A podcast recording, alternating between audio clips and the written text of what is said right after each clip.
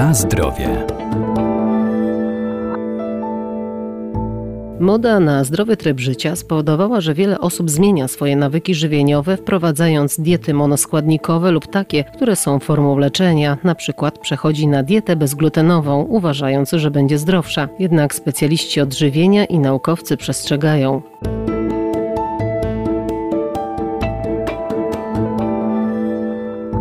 Zdrowe żywienie to zbilansowana codzienna dieta. Powinna obfitować w warzywa i owoce, chude mięso czy nabiał, ale też nie może w niej zabraknąć innych ważnych składników. Dlatego nie warto ulegać trendom żywieniowym i wprowadzać specjalistyczne diety, na przykład bezglutenową. Gluten to jest kolejny znak naszych czasów, bardzo modne hasło żywność bezglutenowa, bardzo modny symbol przekreślony kłosik jako gwarancja tego, że produkt nie zawiera glutenu, który ma teoretycznie też takie podłoże czy takie wyobrażenie, że jak nie zawiera glutenu, to znaczy, że jest lepszy niż ten, który zawiera ten gluten, co nie do końca jest prawdą. Doktor habilitowany Bożena Czech, profesor uczelni Uniwersytet Marii Curie Skłodowskiej w Lublinie. Gluten to jest białko zapasowe, które występuje w niektórych tylko zbożach, takich jak pszenica, jak żyto, jak jęczmień. Nie ma glutenu na pewno w kukurydzy, w ryżu, w owsie, chociaż ten owiec to jest takie zboże, które może być zanieczyszczone glutenem, więc generalnie osobom, które mają problemy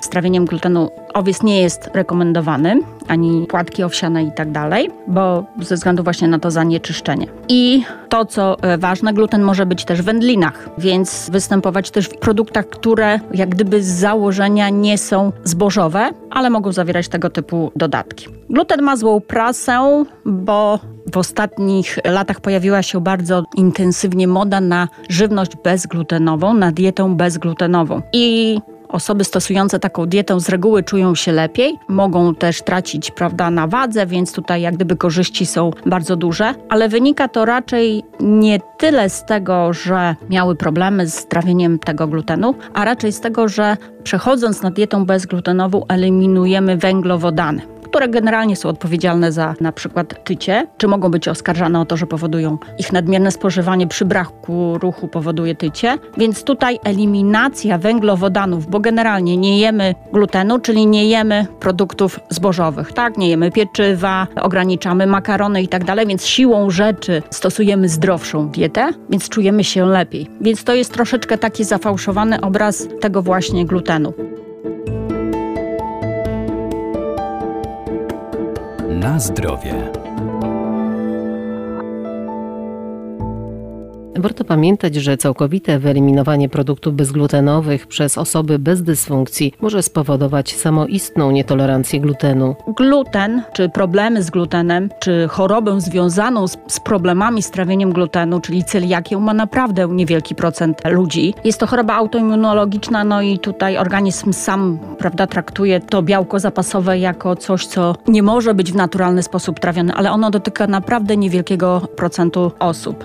Jest to substancja, która może wywoływać oczywiście uczulenie, no bo zboża są osoby, które są uczulone na zboża, więc tutaj też może wystąpić reakcja alergiczna. Jest niewielki procent osób, które mają problemy właśnie spowodowane występowaniem chorób związanych z zaburzeniem procesów trawienia, ale cała reszta nas absolutnie nie ma potrzeby na to, żeby usuwać gluten z diety. To znaczy nic nam to nie da, że my go wyeliminujemy, to znaczy generalnie powinniśmy się odżywiać zdrowo, różnorodnie, ruszać się, no bo ruch to jest jedną z podstawowych podstawowych prawda, czynności, którą musimy wykonywać po to, żeby ten nasz pokarm był wykorzystany do celów nie tylko budulcowych, ale też energetycznych. Także tutaj też kolejna uwaga. Gdy zdecydujemy się na dietę bezglutenową, to musimy pamiętać też o jednym. Gdy patrzymy na produkty, które mają właśnie ten przekreślony kłosik, to znaczy, że one są bardzo często, powinny były zawierać ten gluten, ale go nie mają, a to znaczy, że są przetworzone. Czyli to znaczy, że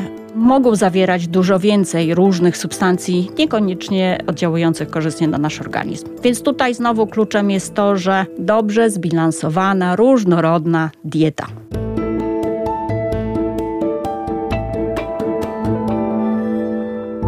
A jeżeli postanowimy zmienić swoje dotychczasowe nawyki żywieniowe i myślimy o konkretnej diecie czy odchudzaniu, to zawsze warto skonsultować się z dietetykiem bądź lekarzem.